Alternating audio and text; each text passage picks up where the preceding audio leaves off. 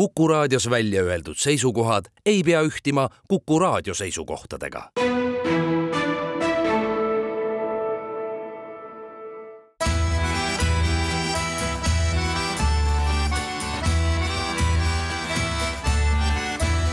Kirillitsas Eesti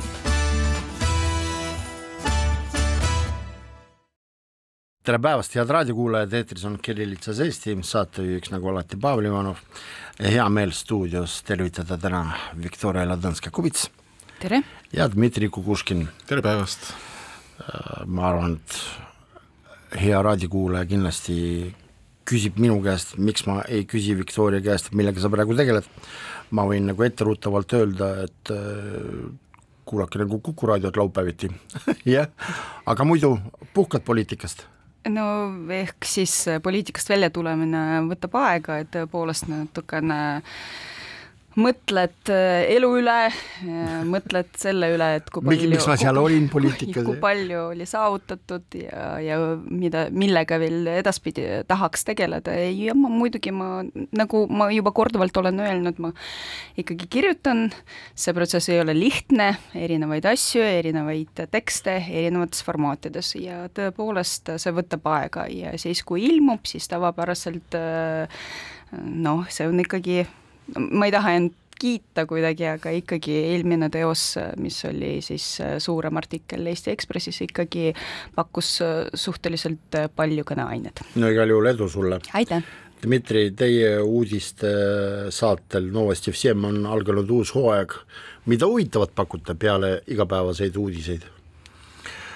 ohoh, hea küsimus no kui ma teaksin, jah. ja, ja, ja et äh, see on väike saladus, ma ei saa praegu seda avada, avada, aga noh, et no me ikka püüame leida mingi igasuguseid äh, vahvaid inimesi tegelikult ja teha portreelugusid, äh, et näidata meie vaatajaskonnale, et mis nagu, millega meie noh, naabrid, meie kõrval istuvaid inimesed nagu tegelevad, et, et näidata seda maailma, mis ei ole nagu uudistesse tavaliselt nagu väga tihti nagu satub.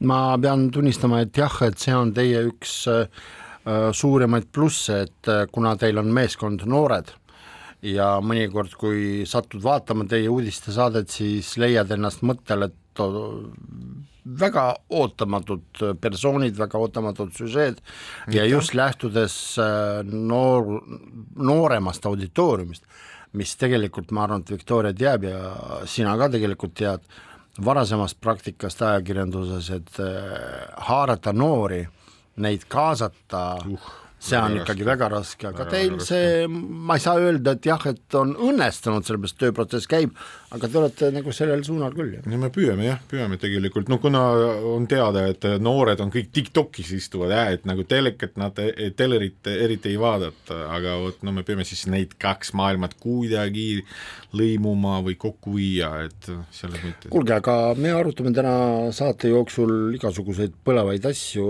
ja alustame saadet siis praegu just sisuliselt värskest uudistest, uudisest, et Riigiprokuratuur saatis kohtusse kriminaalasja, milles esitas Eesti kodanikele Aivo Petersonile ja Dmitri Rootsile süüdistuse riigi reetmises ning Venemaa kodanikule Andrei Andronovile Eesti Vabariigi vastu suunatud vägivallata tegevuses välismaalase poolt, huvitav sõnastus, aga noh, mis seal salata, kõik ootasid seda, ootasid äh, kohalikud venekeelsed meediakanalid, ootasid äh, liikumise või siis partei koos aktivistid, kes äh, ma ei tea, seal kogusid tema abiks raha ja, ja tänagi teg, teg, tegid piketi Stenbocki maja muuseas jah, kell üksteist oli nende pikett Stenbocki maja ees, kui noh, loomulikult üks loosungitest oli Svobodu Aivo Petersonu Äh, huviga jälgib seda nüüd on vist juba mõistlik nimetada seda protsessi protsessiks,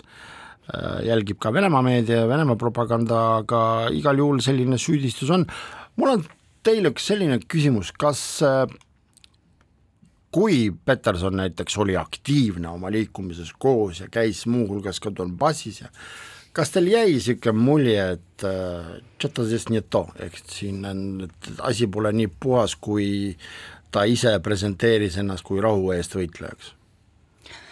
Ma arvan, et äh, sellised hinnangud, et mis äh, tunnetus sul endal oli või siis kuidas need asjad paistsid, see ei ole faktipõhiline analüüs, nii et sellepärast ma nagu justkui selliseid hinnanguid praegusel hetkel oma nagu sa oled nagu kaitsepolitsei, moraalseid hinnanguid ei anna? praegusel hetkel ei, ei annaks ei moraalset hinnangut, kusjuures ma võin anda, aga lihtsalt, et äh, ka mis mulle tundus see hetk, äh, see vist ei ole niivõrd väga oluline, oluline on see, et see sündmus alles algab, ma arvan, et vähemalt see protsess või mitte päris nii, et sündmus, vaid protsess. Äh, see kindlasti tuleb äh, pikk protsess, äh, ma arvan, et mitmekihiline, ehk siis nagu hakkavad erinevad sündmused juhtuma või siis seda kajastus kindlasti leiab aset mitte ainult siin, vaid rahvusvahelises meedias.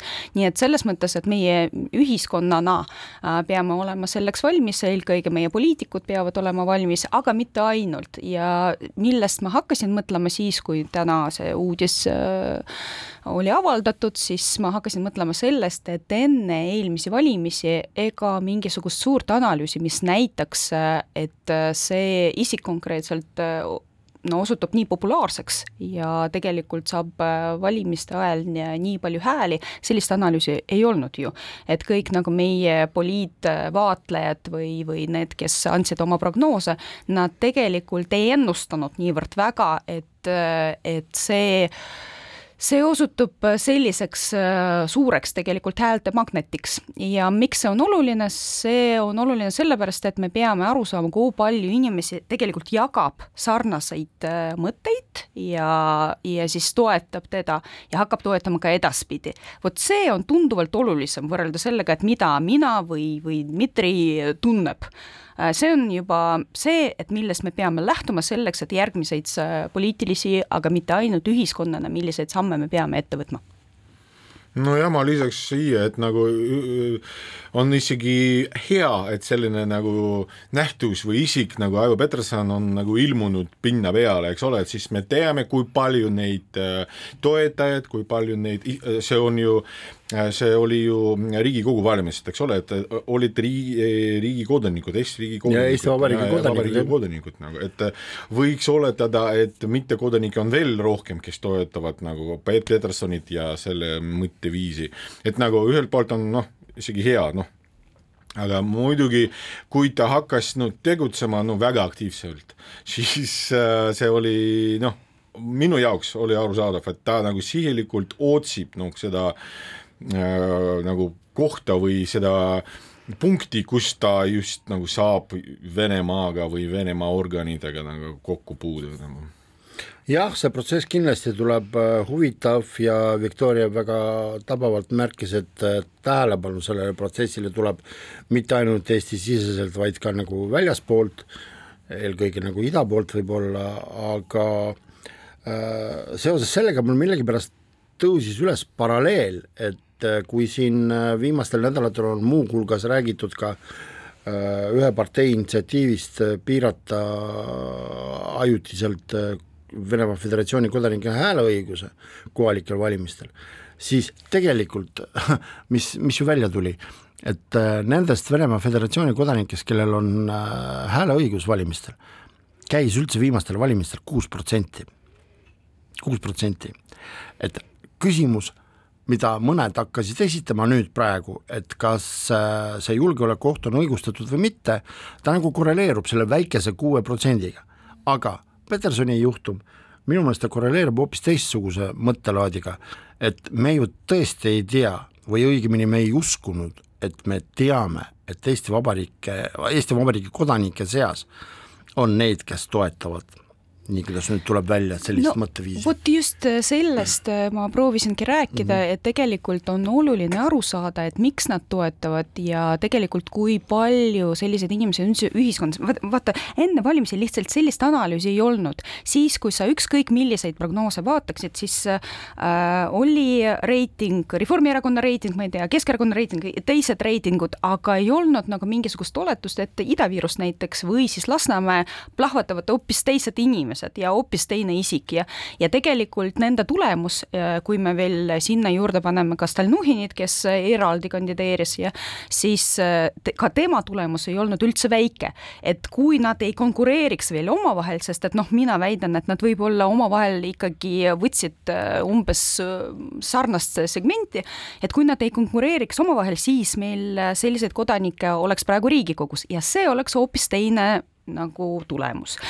ja mis on, miks mm, see teema on oluline, äh, sellepärast et ma ammu mõistan, mulle tundub, et nagu tegelikult meil puuduvad mingisugused tõsisemad uuringud või vähemalt nad ei ole kättesaadavad, nad ei ole niivõrd väga nagu meedia kaudu avalikud, avalikud ja et äh, mõista, et mida üldse äh,, kas siis Eesti venelased või vene kogukond Eestis või Ida-Viru venelased, et mis nagu suunas nad praegusel hetkel liikuvad.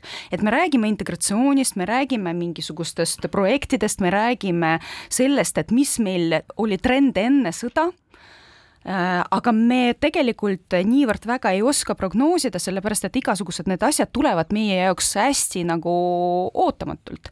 ja ka see, millest sa täna alustasid ja ütlesid, et vot Dmitri Maladets ja siis tema kanal on äh, tublid, et, et nemad tegelikult proovivad äh, kaasata ka noori, noh, ma ei tea, meil ei ole sellist nagu päris head teadmist, et näiteks, et kui riigi tasemel otsustati, et me lülitame välja Venemaa propagandat, et kui palju äh, siin elavatest venekeelsetest inimestest ikkagi kasutab äh, Venemaa kanaleid, aga muul viisil, interneti kaudu või siis leiavad veel nagu mingisuguseid rakendusi selleks, et alla laadida, võtta ja nii edasi. tegelikult neid on palju ja seda on teada ka Kultuuriministeeriumi tasemel, aga lihtsalt see nagu mm,, me proovime pigistada silmi ja mitte aktsepteerida seda informatsiooni, mis on meil ukse taga. Neid on ja neid on palju ja mida siis teha, see, et me lülitasime välja, ei olnud niivõrd väga tugev lahendus. ma olen sinuga täielikult nõus ja kõik need teesid sellest, et on vaja midagi uurida, kedagi uurida, nad on äh, ka siin eetris kõlanud juba mitmed-mitmed aastaid, sellepärast et me võime ainult oletada, aga teadlik tähendab, teadmatus ütleb seda, et me jäämegi ainult oletama. väike reklaamipaus, pärast jätkame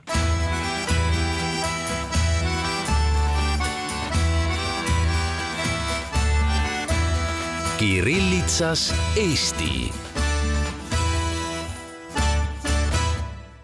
jätkame saadet ja me hakkasime siin äh, pausi ajal mõtlema, et okei okay,, jah, uuringud uuringuteks, aga küsimus on ju selles, et kõik oleneb sellest, kuidas sa küsid ja kuidas tegelikult sihtrühm vastab, sellepärast et ei ole mingi saladus ka see, et äh, konkreetselt äh, noh, oletuslik vene keelt kõnelev inimene, kes äh, elab, äh, ütleme niimoodi, paneelmajas äh, ja on näiteks harjunud vaatama endistest aegadest, siis kui keelustatud ei olnud Venemaa kanalid, Venemaa kanaleid, siis ta vaatab neid kas läbi VPN-i või siis läbi mingisuguste muude tehniliste rakendus, rakenduste, see on punkt üks ja punkt kaks on see, et see pole ka mingi saladus, et kui isegi varem keegi eriti nagu Solovjovi saadete peale tähelepanu ei osutanud, siis peale seda, kui kanalid läksid äh, vabast äh, eetrist välja, siis see on muutunud huvitavamaks. ja kolmas asi on see, et äh, me tõesti, me tegelikult, me teame, et seesama tavaline vene inimene, ta teab õiget vastust, kui keegi tuleb tema käest midagi küsima. kas te vaatate Venemaa kanaleid, vastus, valve vastus on ju, aga kuidas ma saan, nad on ju kinni pandud nojah ja, ja see tõepoolest on suur murekoht, sellepärast et noh, see kõik sõltub sellest, et kuidas sa seda küsimust äh, esitad ja, ja siis kas see on telefoniküsitlus või see on äh, suhtluse ajal äh, tekitatud mingi diskussioon või siis kas see on oma nimega või anonüümne ja nii edasi, seal tegelikult on tohutult palju neid variante, kuidas seda küsitlust läbi viia. aga põhimõtteliselt sul on absoluutselt äh, õigus selles osas, et äh, ma mäletan täpselt samamoodi aastal umbes, ma ei tea, kaks tuhat üheksa, siis kui Lasnamäe inimese käest küsiti, et millist erakonda sa valid, ta teadis, mis on õige vastus, et Edgar Savisaar tegelikult ei ole enam nii populaarne Eesti ühiskonna osas ja ja siis ta teadis, mida on vaja vastata ja siis tuligi äh, valim-, valimistulemus ja siis opa, et Eesti ühiskond ei ootanud, et niivõrd populaarseks osutus äh, konkreetne poliitik. et äh, tegelikult see ongi selline trend, et kui sa tead, mida sinult oodatakse, mis küsimust äh, ja mis, mis vastust pigem nagu oodatakse. Ja siis sa annad justkui õiget, aga tegelikult noh, see ei ole päris adekvaatne pilt, mida me pärast hakkame analüüsima, sellepärast et keegi ei jaksa sulle vastata päris, päris ausalt.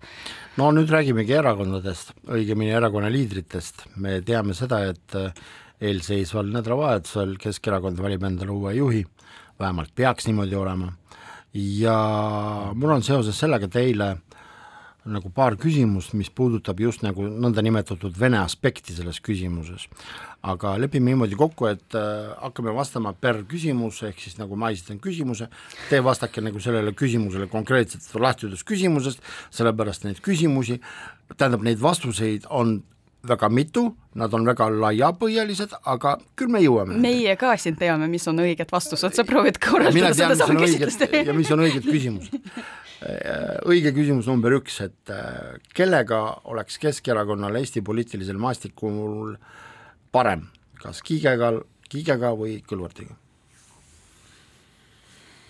ohoh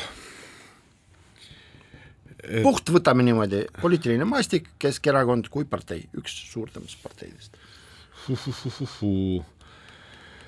parem, et mis mõttes parem?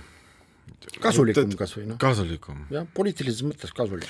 no Dmitril vastus puudub. jah, mul vastus puudub, sest ma mõtlen, ma arvan, et äh, si-, see on nagu mängus teised kategooriad, et äh, selles mõttes Äh, ma ütleks, et praegu üldse nagu jutt käib äh, Keskerakonna edasist nagu elust nagu.. vot ma lähtudes sellest küsingi. et äh, kui tuleb Mihhail Kõlvart, siis nagu üks tee, eks ole. milline? milline tee, ma milline? arvan, et väga, me juba seda näeme, et mõned tuntud keskerakondlased ütlesid, et nad lahkuvad, eks ole. no et kui siis... lahkub äh, üks intri-, jah, üks intrigaanidest ma arvan no,, et iga partei aga ta on aga nagu isegi tugev kuju, eks ole, et ta tugevdab näiteks EKRE-t, eks ole. Või mingit teist parteid, noh, selles mõttes, et ta ei, ta ei jää üksinda kindlasti, sest äh, kui Mihhail Kõlvart tuleb äh, Keskerakonna esimeheks, siis hakkavad, hakkavad liikuma ja hakkavad nagu teised tuuled äh, teised tuled tulevad. aga kui tuleb kiik? aga kui tuleb kiik, siis on, minu jaoks on arusaadav, see on Jüri Ratase käepikendus, eks ole, et kõik jääb nagu oli ja no võib-olla mingi vene tiip nii-öelda ka hakkab mõtlema, et mis edasi ja mi, mi, kuidas edasi ja nii edasi. okei okay. no., nii, et äh, Tanel Kiik on kindlasti see, kellega on rohkem perspektiivi riigi tasemel, sellepärast et äh, siis, kui äh, osutub valituks Mihhail Kõlvart, siis ma arvan, et sellega kindlustatakse endale opositsioonierakonna rolli Riigikogu tasemel ma arvan, et Tanel on see, kellega ehk siis äh, teised liidrid teistest erakondades on, on, neil on kogemus temaga suhtlemises ja siis äh, kindlasti ka rohkem neid punkte, mille üle juba kas siis vaieldud või siis kokku lepitud, aga no ühesõnaga siis see perspektiiv minu arust on tunduvalt tugevam ma siin ei nõustu selle hüpoteesiga, et justkui kui üks kui üks tuleb, siis justkui toimub erakonna lõhestamine ja kui teine siis justkui ei tule, ma arvan, et äh, mõlemad kindlustavad seda teed, ehk siis sisuliselt sõltumata sellest, kes tuleb, tulevad ka lahkujad. mulle niimoodi tundub, poliitiline loogika mulle niimoodi ütleb.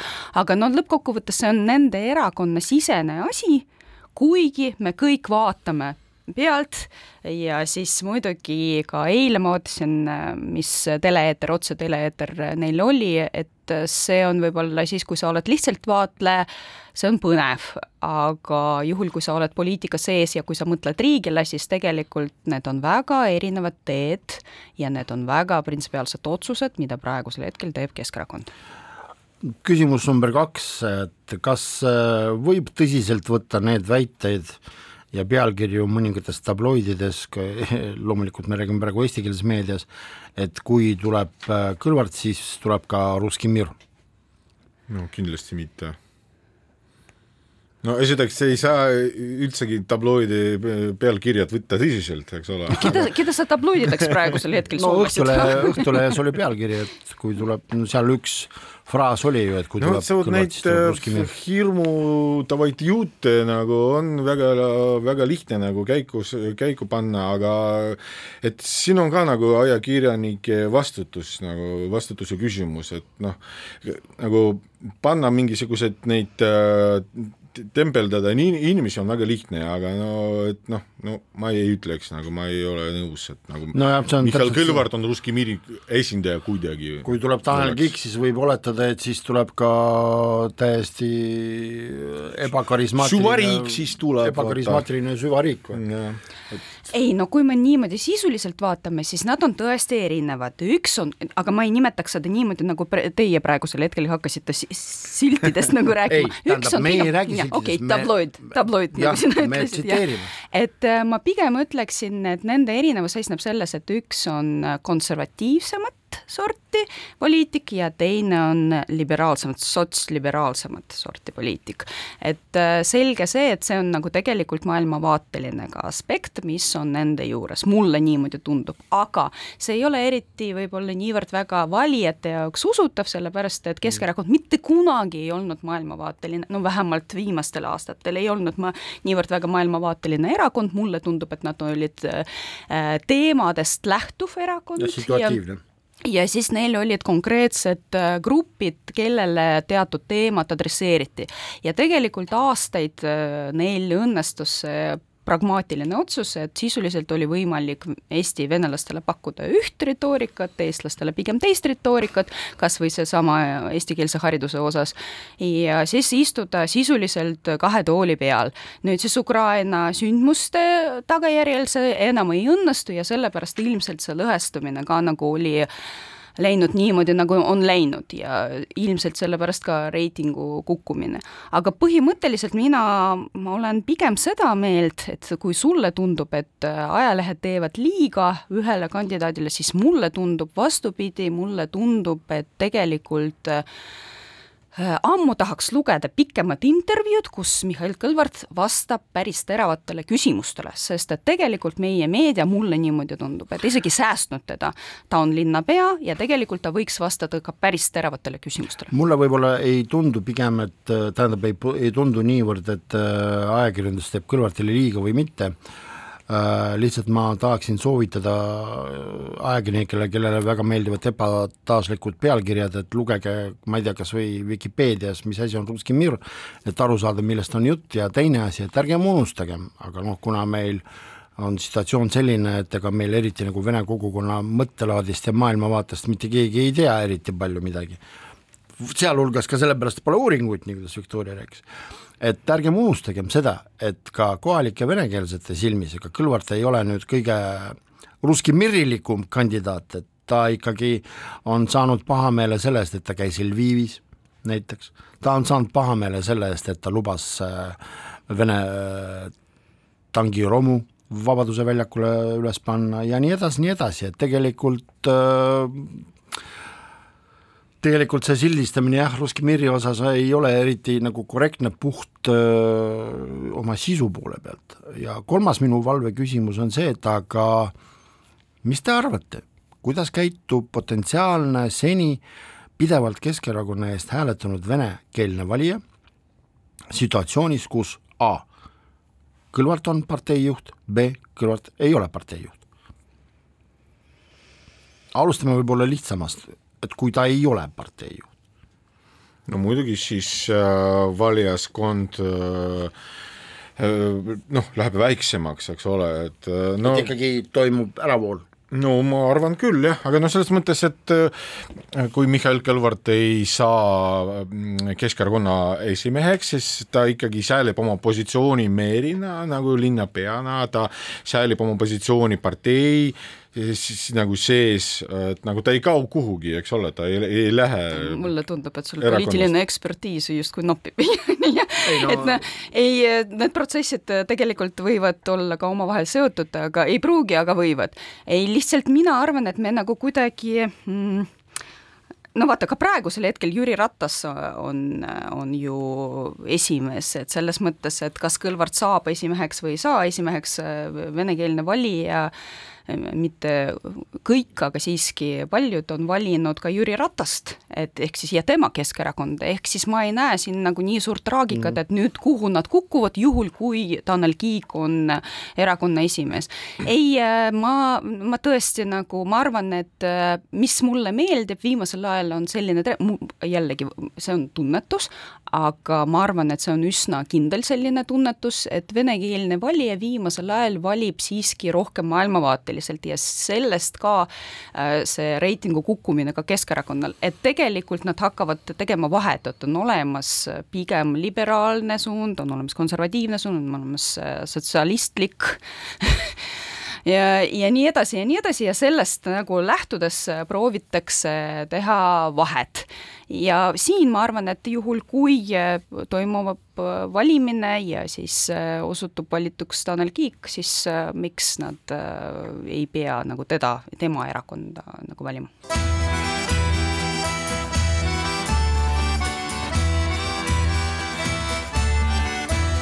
Kirillitsas Eesti jätkame saadet stuudios Dmitri Kukushkin, Viktoria Ladõnskaja-Kubits ja saatejuht Pavel Ivanov. Äh, neljas valveküsimus. Äh, ütleme nii, et äh, oletame, et neid venekeelseid valijaid, kes oleksid pettunud selles, et Kõlvart ei ole partei liider, on selline hulk, et see teatud mass on ühes küsimuses läinud kriitiliseks et nad tahaksid luua oma uue nõndanimetatud pro-venekeelse poliitilise ühenduse, liikumise või lausa partei. kas see, et Kõlvart ei saa Keskerakonna liidriks, kas see on selles mõttes siduv või ei ole? No enne reklaami ma just hakkasin sellest rääkima ja reklaamipausi ajal me siin ka vestlesime natukene, et minu arust äh, palju sõltub sellest, et millist retoorikat äh, võtab see kandidaat, kes osutub teiseks. ehk siis, kui näiteks äh, Kõlvartist ei saa liider ja siis ta näiteks ütleb, et ma lahkun nüüd või siis minu toetajad hakake, hakkame mõtlema nüüd, et mis edasi saab Äh, siis on üks variant, aga teiseks äh, variandiks ikkagi on see, et kõik proovivad leppida kokku ja siis ikkagi jätkata täpselt samamoodi, nagu ka praegusel hetkel nad eksisteerivad ikka ühes erakonnas, sest et erakond on tugev bränd ja siis äh, ilma selleta on suhteliselt raske elu alustada. ja nii, nagu me oleme korduvalt juba näinud, et tegelikult ei ole ju nii lihtne teha uut erakonda, esiteks, ja teiseks on sümptomaatiline ka, et puhtalt etniline erakond või, või ainult Eesti venelastele või venelastele suunatud erakond, see ka nagu ei, ei kõla kuidagi adekvaatselt, et me mäletame seda Savisaare nagu, mis ta oli, list, spissak Savisaare või ja siis mäletame ka Olga Ivanova lahkus ka niimoodi, et proovis tekitada mingisugust furoori, aga tegelikult noh, kõik need sammud ei olnud eriti edukad no lihtsalt meelde, meelde tuli seoses selle jutuajamisega, et sel suvel Vene kool Eestis äh, üks liidritest, Mstislav Russakov pakkus välja, et venelastel, kohalikel Eesti venelastel võiks olla oma poliitiline ühendus, mille nimi oleks olnud Velika Ross.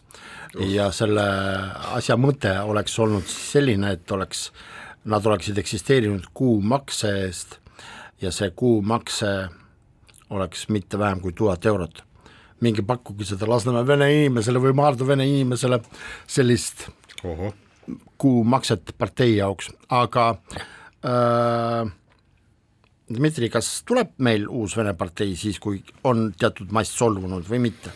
Oi, ma ei usu, sest noh, see oleks väga perspektiivitu nagu, et noh, selles mõttes praegusel väljal mängida on äh, ühelt poolt ohtlik ja teiselt poolt äh, nagu mitte eriti nagu tulemusi kandev. Äh, ja Aivo Petersoni eeskuju on nagu silme ees, jah. mulle hakkas meenuma see nagu rohkem kui saja aasta tagune see Venemaa sotsiaaldemokraatide mm, partei eh, juhtum, kui olid bolševikud ja menševikud, eks ole, et ma mõtlen, et eh, siis võib-olla siis eh, Keskerakond ka hakkab natukene siis liiguma paralleelselt nagu kaks leeri. lihtsalt selles situatsioonis, sellest aspektist, kumb neist oleks bolševik, kumb oleks no menševik?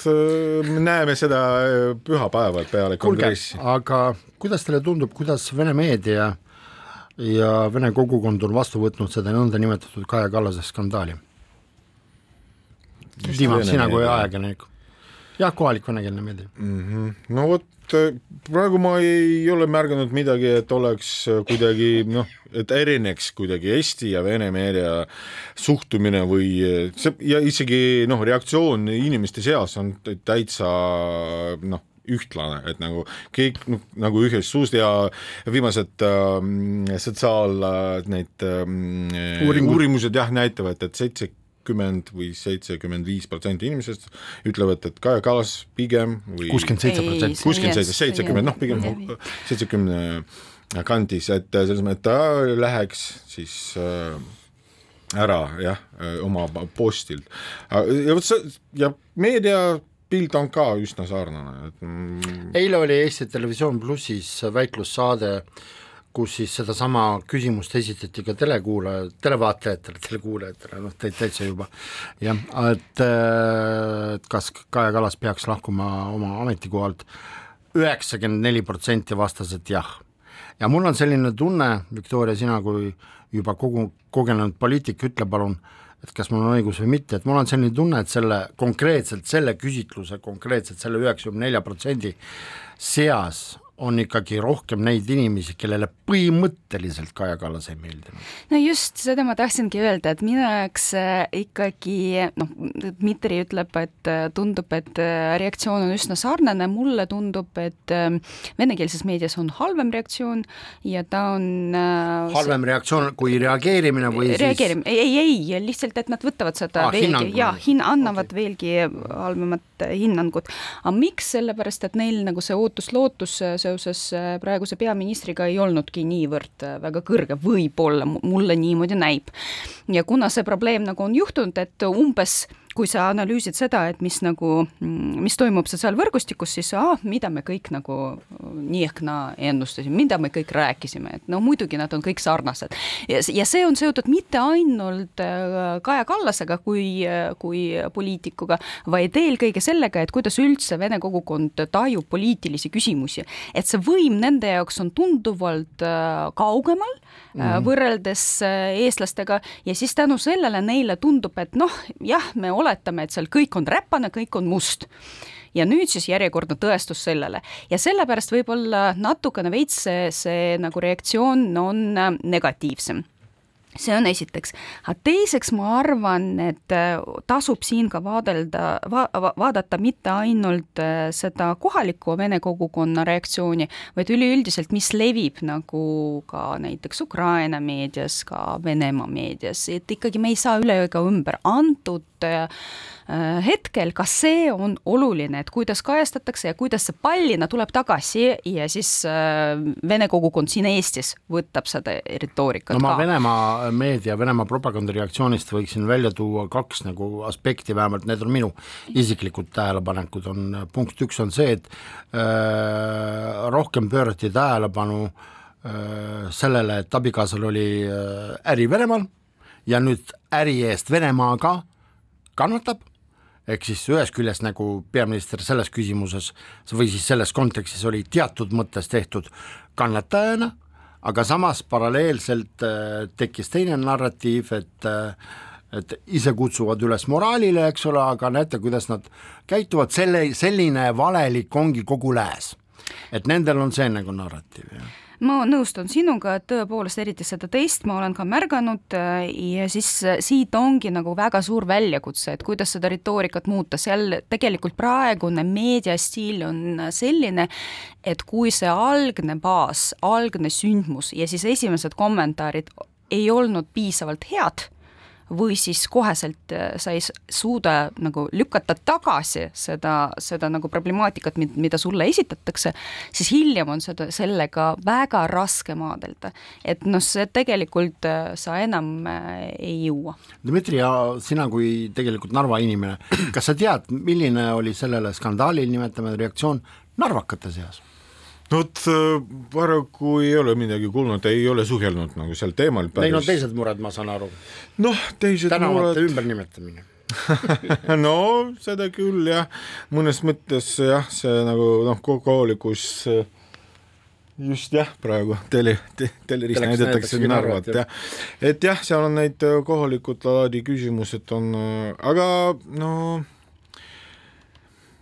see Kaja Kallase juhtum on selline, et kuna mängus on jällegi see Ukraina ja Venemaa telk, eks ole, et no ühelt mm -hmm. poolt on nagu kogu aeg Kallas rääkis, et me, siis ta on nagu Ukraina suurem kaitse ja nii edasi, et noh, see küsimus on ju eestikeelses kogukonnas ja venekeelses kogukonnas on äh, väga erinevate nagu suhtumistega ja väga erinevate noh, kuidas ütelda, kraadiga, eks ole, et nagu ja see, mis juhtus, et see kohe venekeelsele elanikkonnale, noh, mõnele neist või osale neist äh, andis noh, nagu mina seda vaatan, andis niisuguse tunne, et noh, ta sai nagu endale selle eest, et nagu liiga, ta, ta oli nagu liiga-liiga Ukraina-meelne, eks ole.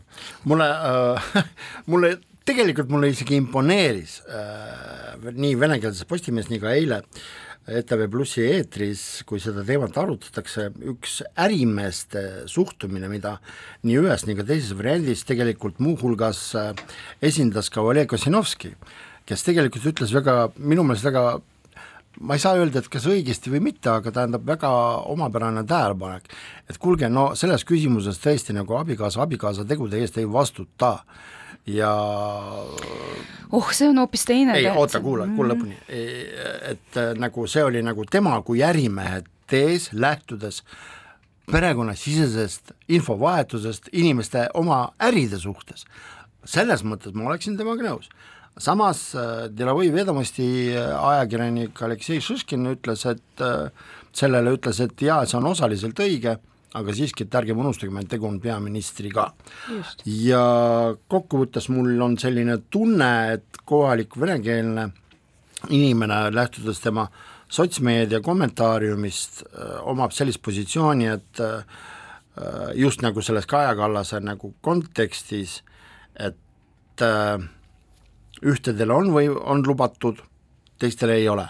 Ja tegelikult pealekauba tuleb veel teine poleemika nüüd alles selgus, kui palju ettevõtteid meil ajab siiamaani äri Venemaaga.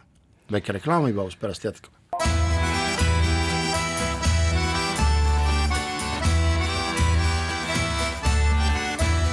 Kirillitsas Eesti. jätkame saadet, kooliaasta algas venekeelsetes õppeasutustes on see loomulikult seotud äh, ka selle protsessiga, mida nimetatakse üleminek eestikeelsele haridusele. Ja kui nagu muid uudiseid ei olnud, siis tegelikult äh, suht ootamatu oli äh, tsitaat president Karise intervjuust Pealtnägijale, kus ta ütles, et et kuidagimoodi lihtsustada see üleminekuprotsess, et võiks näiteks terve aasta, ühe aasta pühendada sellele, et nendes venekeelsetes õppeasutustes õpitakse suuremas mahus eesti keelt. Viktoria, sa oled nende probleemidega väga palju aastaid tegelenud, mis ja. sa sellest mõttest arvad? no ma ei lugenud tema intervjuust, ma no vaatasin seda ja ka tema mõttekäigust ma ei lugenud välja just äh, sellist ideed, et nagu ma sain aru, et lihtsalt lisaaasta mm. Äh, ja siis võib-olla, ma pigem nagu kusjuures sel hetkel hakkasin mõtlema õpetajatest, mitte õpilastest nii väga, aga ma tean, et lihtsalt puhtmetoodiliselt on see väga, väga õigustatud äh, variant, et sellepärast, et siis, kui näiteks sa lähed ülikooli ja sinu keeletase ei ole päris nagu okei okay selleks, et õppida päriselt eesti keeles, sulle ka pakutakse sellist varianti. ja siis noh, vähemalt seda võib endale nagu lubada.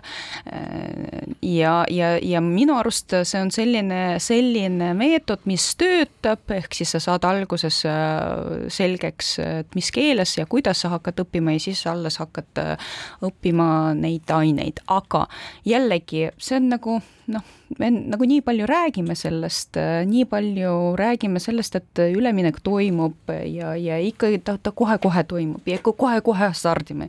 ja vot-vot järgmisel aastal alustame. tegelikult noh, tänaseks peaks olema kõikidele absoluutselt selge, et meil tuleb eestikeelne haridus ja see tähendab, et see ei ole ainult riigipoolne suund, see võiks olla ka vanematepoolne suund ja siis sa võiksid vanemana esitada iseendale küsimust, et kui sa tahad, et su laps oleks edukas Eesti ühiskonnas, siis et mis kooli sa valid, mis meetodeid sa valid, kuidas sa aitad teda, sest et noh, minu arust noh, ma natukene üllatunud pilguga vaatasin seda, kuidas mõned ikkagi endiselt mõtlevad, et ah, kuidas oleks veel üks uks, et nagu saaks nagu minna ja ikkagi jätkata seda venekeelset haridust. et äh, tegelikult see suund, riigipoolne suund on teada ja pigem nüüd siis on vaja nagu mõelda omaenda laste tuleviku peale.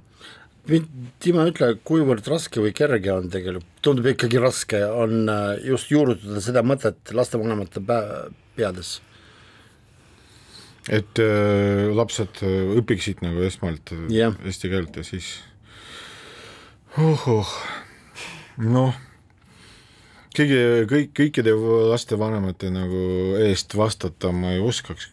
kusjuures mulle tundub, et tegelikult neid selliseid, kes on nagu öeldakse vene keeles upjorte mm -hmm. ehk siis niisugused äh, jäärapäised selles küsimuses, tegelikult neid ei ole palju.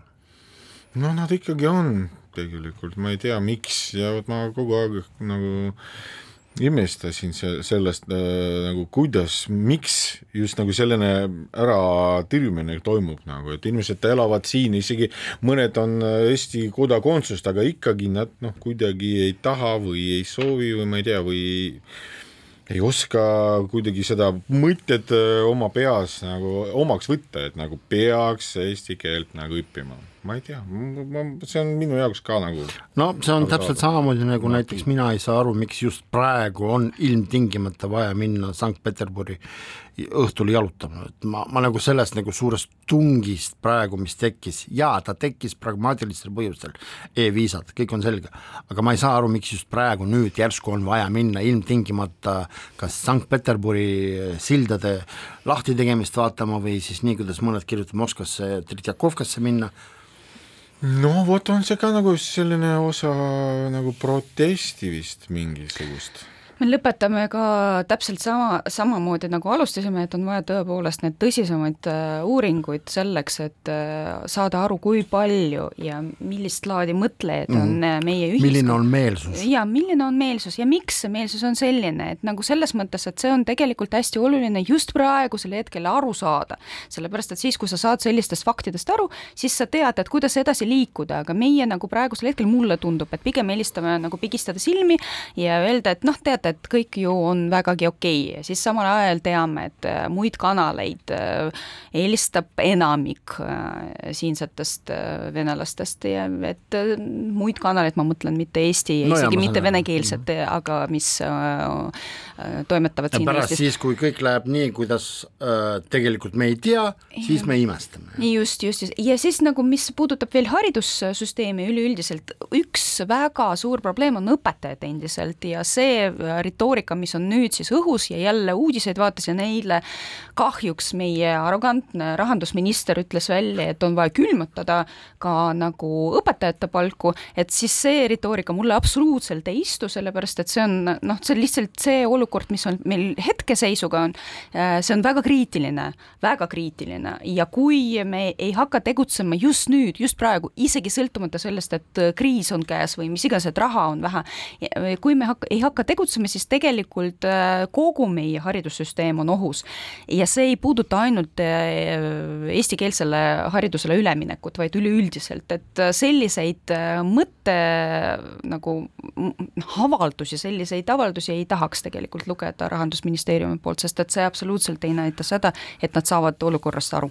no see oli juba päevapoliitiline kommentaar, ma ütleksin aga meie tänane saade on läbi, äh, eks me siis tõesti vaatame esiteks, kuidas pühapäeval äh, läheb Keskerakonna liidri valimistel ja vaatame, milline on reaktsioon Pro prognoseerime äkki, kuidas sina, Pavel, arvad, kes võidab?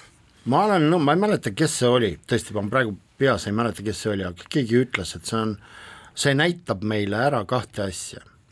esiteks see näitab meile ära, et äh, mitte-eestlast ei lubata suure partei juhi kohale kohe kindlasti ja ah, teine Jevgeni Sinovski oli meil ja teine siis arvamus? oli see, mida ma täna kuulsin ühes teises raadios komment-, päeva kommentaarina, et tegelikult ükspuha, keda praegu püha peal valitakse, aga kohalikud valimised kahekümne viiendal aastal tegelikult näitavad, kas see tänane vali- äh,, pühapäevane valik oli õige või mitte. stuudios olid Viktoria Ladõnskaja-Kubits, Dmitri Kukuškin, saatejuht oli Pavel Jonov, aitäh kuulamast ja kohtume nädala pärast taas.